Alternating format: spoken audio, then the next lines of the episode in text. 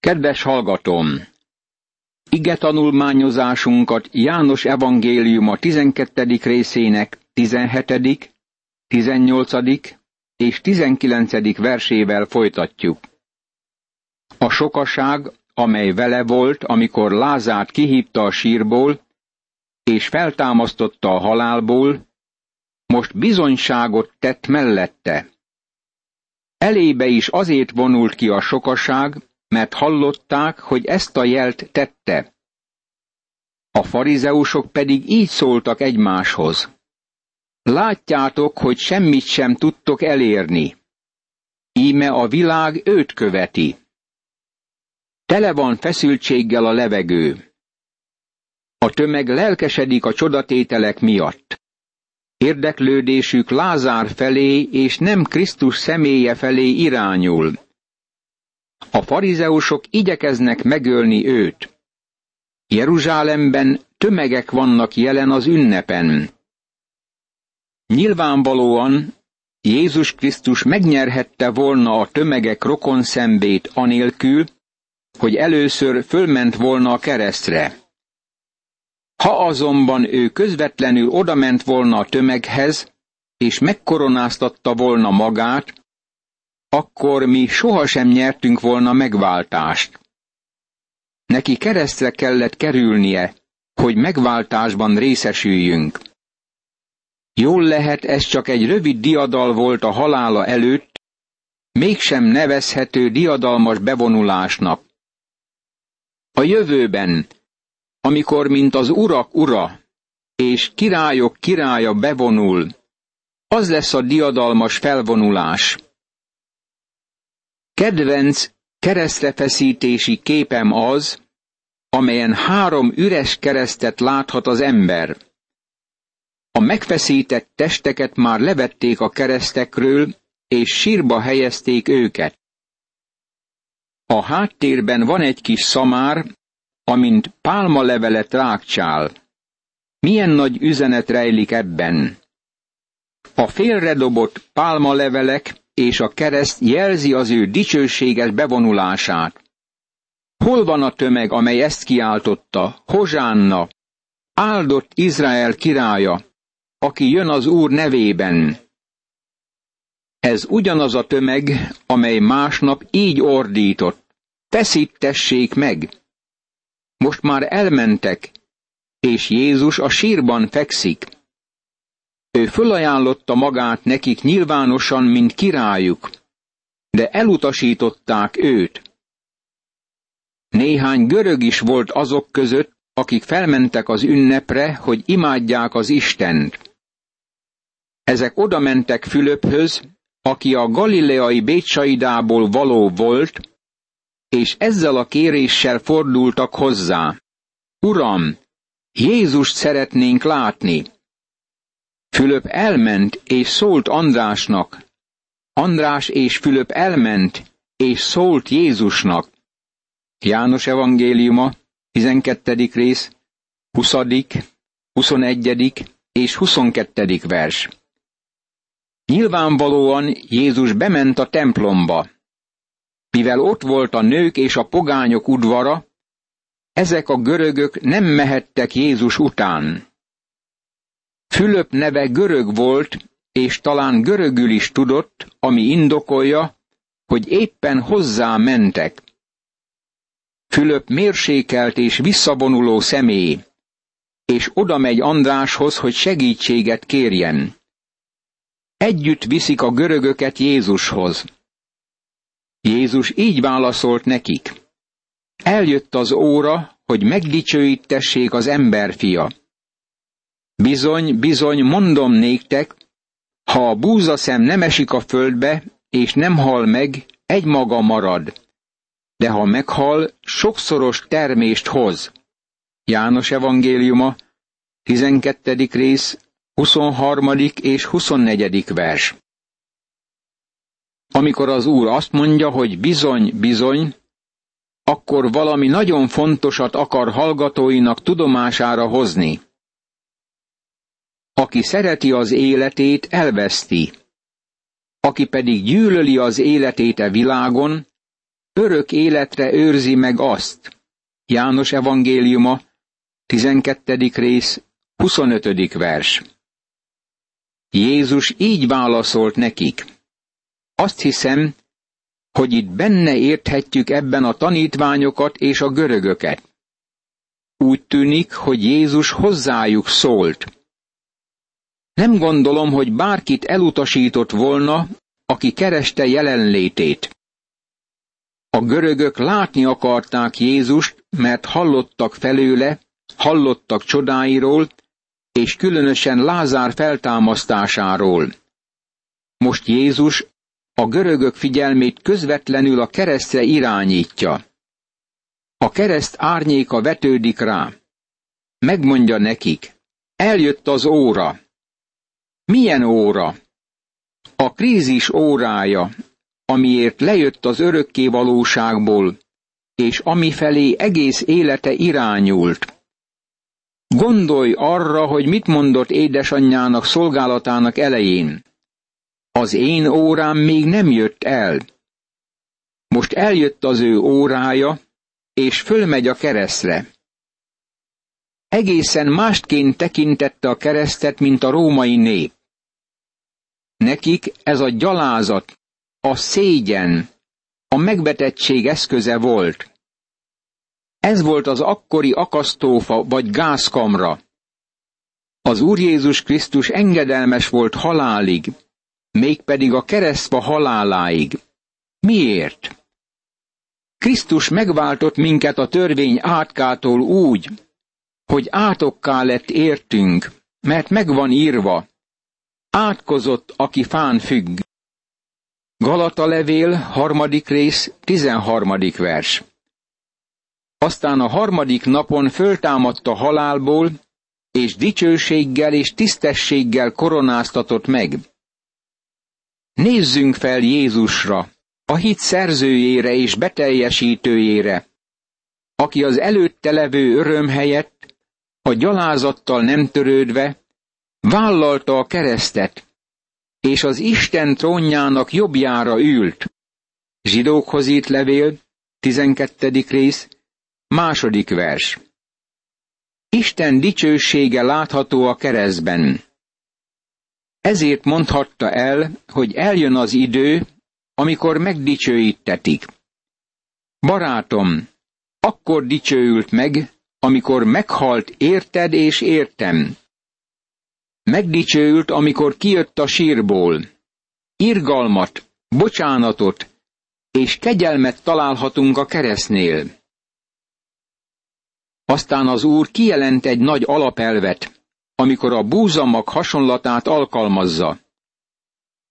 Jól lehet a búzamag elhal a földben, mégis kisarjad, kalászt nevel, és aratásra magot érlel. Meg kell halnia azért, hogy gyümölcsöt teremjen. Sokan azt gondolják, hogy látták Jézust, mivel elolvasták az evangéliumokat, és tanulmányozták az ő életét. Ők a történelmi Jézust látják, de sohasem látták Jézust addig, amíg meg nem értik halálát és feltámadását. Ő megváltó halált vállalt. Életét adta a halálban, hogy sokan életet nyerjenek. Még nem láttad Jézust, amíg nem láttad őt, aki meghalt érted a kereszten. Ő az, aki meghalt a világ bűneiért. Ez furcsának tűnhet a görögök előtt, akik oda mentek, hogy találkozzanak vele. Elmondja nekik, hogy több is van annál, mint őt fizikailag meglátni. Az a fontos nekik, hogy lássák őt az ő halálában. Belekerül a talajba. Amikor a búzamag meghal, akkor terem életet. Meghalt, de feltámadt ismét. Ezt nagyon fontos meglátnunk. Azután Jézus megmagyaráz a görögöknek egy nagy alapelvet. Kétfajta élet van, és ezeket szembeállítja egymással. Az egyik a fizikai élet, a pszichikai élet. amely a világ értékeit keresi, és az érzékszervek kielégítését várja. Ez az élet található ezen a földön. Aki szereti az életet, a fizikai, természetes életre mutat. Ebben az életben élünk, eszünk, iszunk, de tudjuk-e hova tartunk? Egy napon meghalunk. Elveszítünk mindent. Sajnálom, te is elveszítesz mindent, barátom. Egyszer egy nagyon híres prédikátort hallgattam, akit felkértek egy gazdag ember temetésén a prédikálásra. Az a gazdag ember egyháztag volt, de Isten és az emberek minden törvényét megszegte, és bűnben meg iszákosságban töltötte életét. Nagyon sok gazdag ember vett részt a tömegben. A prédikátor olyat tett, amit én sohasem mertem volna megtenni. Az evangéliumot prédikálta a megbotránkozás ellenére is. Aztán odalépett a koporsóhoz, és elmondta, hogy mit tesz a bűn az emberrel, és hogy végül a kárhozatba juttatja. Megmondom neked, hogy az emberek kényelmetlenül érezték magukat. Aztán, amikor rámutatott, hogy mi történt, ezt hallották. Az élete elmúlt, felélte, túl van rajta. Megvetette Istent, és hátat fordított Jézus Krisztusnak. Aztán rátekintett a tömegre, és így szólt. Minnyájan így védkezünk, ha csak nem fordulunk vissza Jézus Krisztushoz. Barátom, őszintén szólva, ez egy kisé fájdalmas volt. Nekünk is így kell tekintenünk az életet és a halált. Jézus erről beszélt. Aki szereti az életét, elveszíti. Ha ennek az életnek élsz, akkor elveszted az életet. Aztán az Úr szembeállította ezzel a következő életet. Aki gyűlöli életét e világban, megtartja azt az örök életre. Ez azt jelenti, hogy ha nem a világért és a világ kincseiért élsz, akkor megtartod az életet az örök életre. Az örök élet a búzamagból származik, amely belehull a földbe, és ismét feltámad. Ez a búzamag Jézus Krisztus. Ezért lehet megváltott életünk és üdvösségünk. Ha valaki nekem szolgál, engem kövessen, és ahol én vagyok, ott lesz az én szolgám is, és ha valaki nekem szolgál, azt megbecsüli az atya. János evangéliuma, 12. rész, 26. vers. Megmondja nekik, hogy kövessék őt, és ő éppen a kereszt felé tart. Megígéri nekik, hogy ahol ő van, ott lesznek szolgái is. Ha valaki nekem szolgál, azt megbecsüli az atya. Most megrendült az én lelkem. Kérjem azt, atyám, ments meg ettől az órától engem, de hiszen éppen ezért az óráért jöttem. János evangéliuma, 12. rész, 27. vers. Szenvedéssel kapcsolódik össze Krisztus keresztje, amit nem is tudunk fölfogni. Ő nem csupán az emberek okozta fájdalom miatt szenvedett. Ez is súlyos volt, de ő ezentúl vállalt szenvedést. Bűneink helyezték őt a keresztre, ő volt a fájdalmak férfia, betegség ismerője. A világ bűnét hordozta, és nem a sajátját. Bűneink rákerültek. Bűnné lett értünk. De az Úr őt sújtotta minnyájunk bűnéért. A mi védkeink miatt kapott sebeket. Bűneink miatt törték össze. Ő bűnhődött, hogy nekünk békességünk legyen az ő sebei árán gyógyultunk meg. Jól lehet szent, fedhetetlen, és a bűnösöktől elkülönült volt, bűnné lett érted és értem. Ebben benne volt az a szenvedés, amit nem vagyunk képesek fölfogni. Lelke borzalommal telt meg, mielőtt a keresztre került volna. Azért jött ebbe a világba, hogy fölmenjen a keresztre, és elhordozza annak gyalázatát. Ugyanakkor a keresztben volt az ő dicsősége is. Többször kellene erre gondolnunk, és hálásabbnak kellene lennünk érte.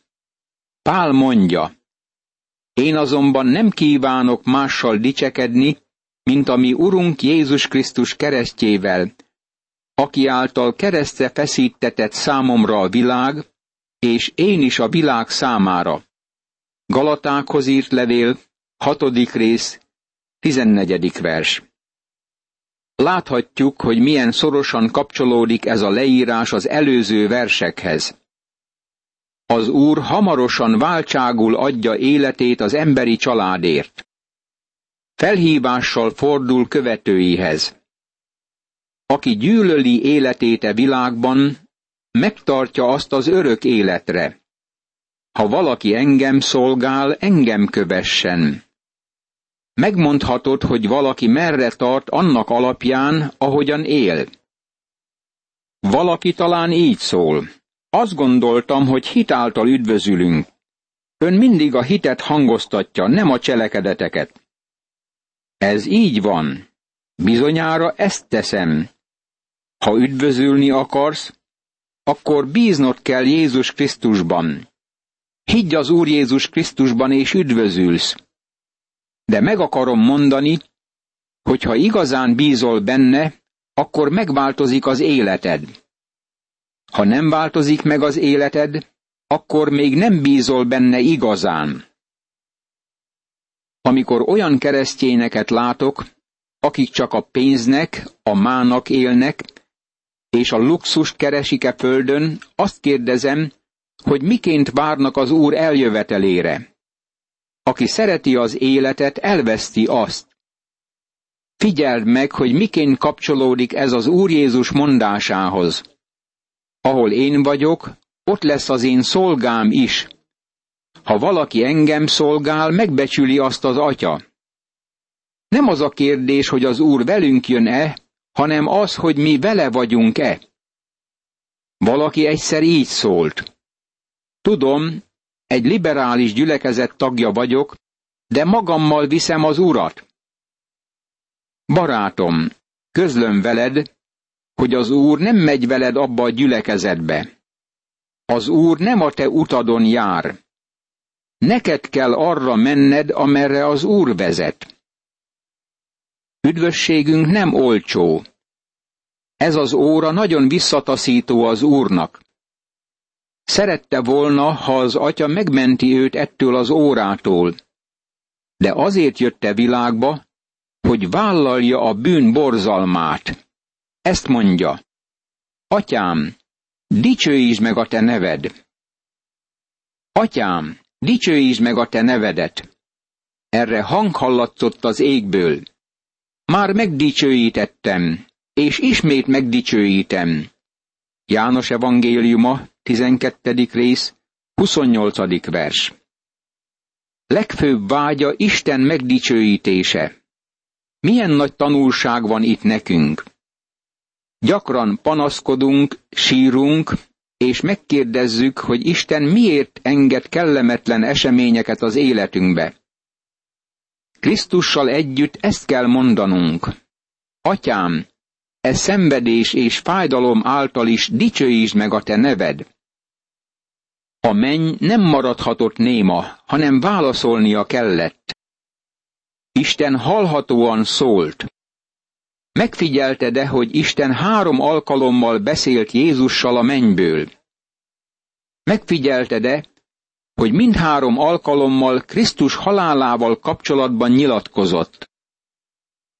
Először megkeresztelésének napján, amikor Krisztus azonosult a bűnös emberiséggel.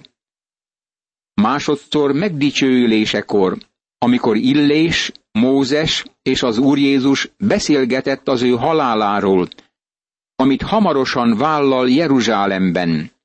Lukács evangéliuma, 9. rész, 30. és 31. vers. Ez a harmadik eset az ő szolgálatának végén, amikor az Úr az ő haláláról beszél, hiszen megérkezett az ő órája. A sokaság pedig, amely ott állt és hallotta, azt mondta, hogy mennydörgés volt. Mások azonban így szóltak. Angyal beszélt vele. Jézus megszólalt. Nem én értem hallatszott ez a hang, hanem ti értetek. János evangéliuma, 12. rész, 29. és 30. vers. Melyik csoportnak volt igaza? Egyiknek sem. Nem angyal beszélt, hanem maga az atya szólalt meg.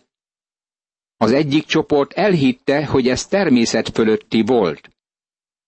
Tudtak az angyalok Ószövetségben leírt szolgálatáról, és úgy értették, hogy az angyalok Isten küldöttei az emberek érdekében. De nem értették, hogy az Úr angyala maga a testet öltése előtt megjelent Krisztus. Nem ismerték föl, hogy a mennyei hang üzenet volt Istentől. A másik csoport azt gondolta, hogy mennydörgött. Természetes magyarázatot adtak a jelenségnek. Ma is sokan így magyarázzák a természet fölöttieket.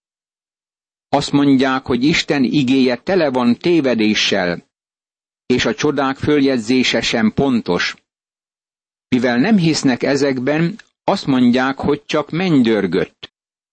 Egyesek, akik bibliaosztályba járnak, hallgatják a jelenések könyvéről szóló magyarázatokat hangszalagról, és azt mondják, hogy a jelenések könyve érthetetlen. Ez azonban tudatlanságukat árulja el, mert a jelenések könyve nagyon logikus könyv, és valószínűleg a Bibliának a legjobban fölépített könyve. De nekik ez csak mennydörgés. Valami különös zaj. Isten igéje azt mondja, hogy Jézus születése természet fölötti volt. Élete tele volt csodákkal. Halála olyan volt, mint a búzamag elvetése, de nem maradt a talajban. Feljött ismét, mint ahogy a búzamag kikél a földből. A liberális ezt mondja. Jézus csontjai valahol a szíriai égbolt alatt alszanak. Hol vannak csontjai? Krisztus feltámadása valóságos feltámadás volt. A teste támadt fel, a csontjai nem maradtak itt. Ezek az emberek csak azt mondják, hogy mennydörgött. Egyáltalán nem fogadják el a lelkieket, nem ismerik Isten igéjét. Szükségünk van annak felismerésére, hogy Isten lelkének kell megvilágosítania minket, amikor Isten igéjét olvassuk. Imádkozzunk! Uram Istenem, köszönöm, hogy szent lelked megvilágosít engem mindannyiszor, amikor olvasom és tanulmányozom igédet. Ámen.